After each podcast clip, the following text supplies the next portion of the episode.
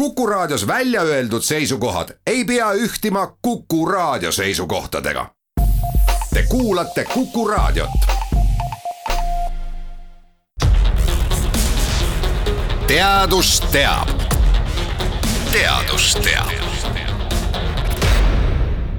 ilmselt on paljud raadiokuulajad siit-sealt kuulnud, et näiteks Pfizer-BioNTechi ja Moderna vaktsiin on just mRNA põhine tegemist on täiesti uue tehnoloogiaga, kuna varem pole sellisel viisil vaktsiine loodud palusin Tartu Ülikooli molekulaarbioloogia teaduril Margus Lepikul selgitada, kuidas õigupoolest see mRNA vaktsiin töötab ja mida see täpsemini meie kehas teeb.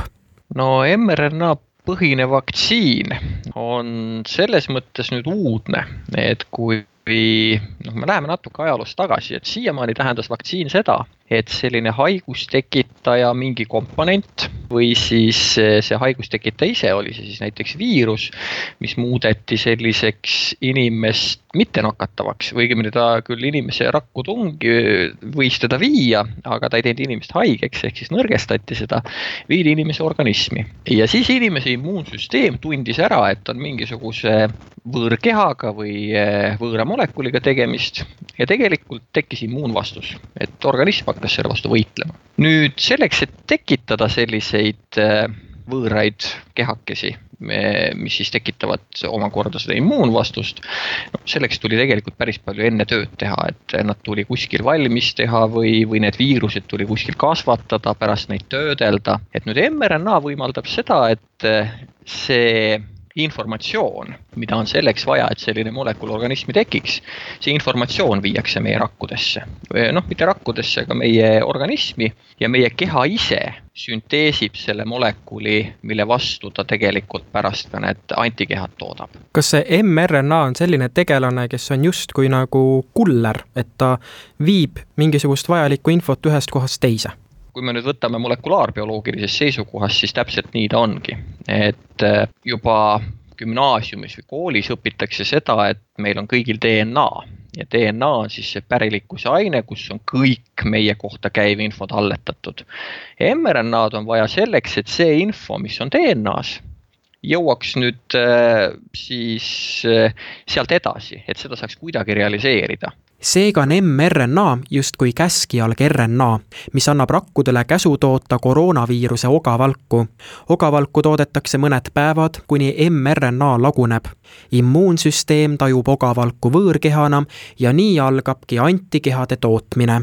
ja juhul, kui kehasse satub koroonaviirus, on antikehad juba valmis, et selle vastu võidelda siiski võib vaktsiini kiire valmimise tõttu tekkida küsimus, kas see on ikka ohutu, selgitab Margus Lepik kuidas ta nüüd kiiresti valmis sai? noh, tegelikult sellise RNA tehnoloogiaga on tegeldud juba noh, üks paarkümmend aastat.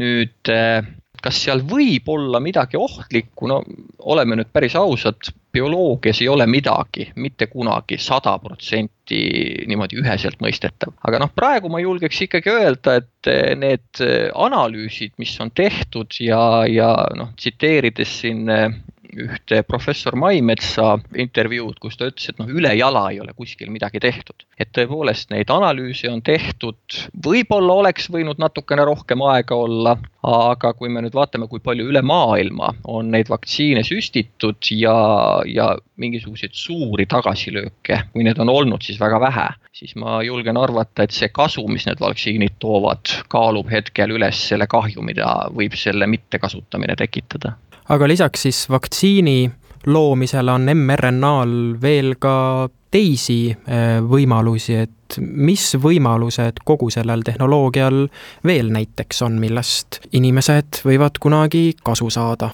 mRNA kui selline, siis nüüd see vaktsiin on, ma julgen öelda, et nüüd üks esimesi selliseid äh, tehnoloogiaid, millest inimene tõeliselt kasu saab nüüd, eh, mis potentsiaale seal veel on, no mida rohkem sellega nüüd tegeldakse, eks me saame sellest ka rohkem teada. aga laias laastus võib endale ette kujutada, et kui me selle mRNA viime mõnedesse rakkudesse, kus on noh, ütleme, mida haigust põhjustab mõnes rakus nüüd eh, mõne komponendi puudujääk ja me viime selle mRNA sellesse rakku, siis me saame seda komponenti sellesse rakku juurde toota ja tegelikult inimese haigust leevendada. kuni selleni välja, et me võime siis eh, kompenseerida sellise mRNA tehnoloogiaga mõningaid geneetilisi haigusi, et kas mõnda ensüümi on või mõnda valku on inimesel liiga vähe eh, või, või on mõnda muud komponenti tal seal organismis vaja, et eh, selleni me loomulikult veel jõudnud ei ole, aga, aga, aga idee on selles, et siis me saame selle mRNA tehnoloogiaga neid inimesi aidata ja, ja neid ravida kaugeltki kõik koroonavaktsiinid pole mRNA tehnoloogial põhinevad. näiteks AstraZeneca vaktsiin on tehtud teisel meetodil.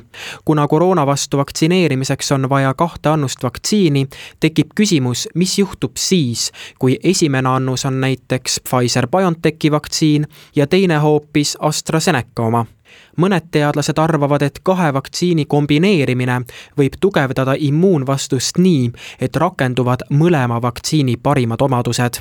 näiteks hiljuti ilmunud hiirte peal tehtud uuringu tulemused näitasid, et erinevat sorti vaktsiinide kombineerimisel on immuunvastus tugevam küll aga vajab uurimist, kuidas inimesele niisugune kombineerimine mõjuda võib näiteks Ühendkuningriigis on Oxfordi ülikooli teadlaste juhtimisel plaanis teha inimeste peal uuring, kus testitakse, milline mõju on AstraZeneca ja Pfizer-BioNTechi vaktsiini kombol kui erinevate koroonavaktsiinide kombineerimine oleks tõhus, saaks vaktsineerimiskampaaniaid veelgi kiiremini läbi viia.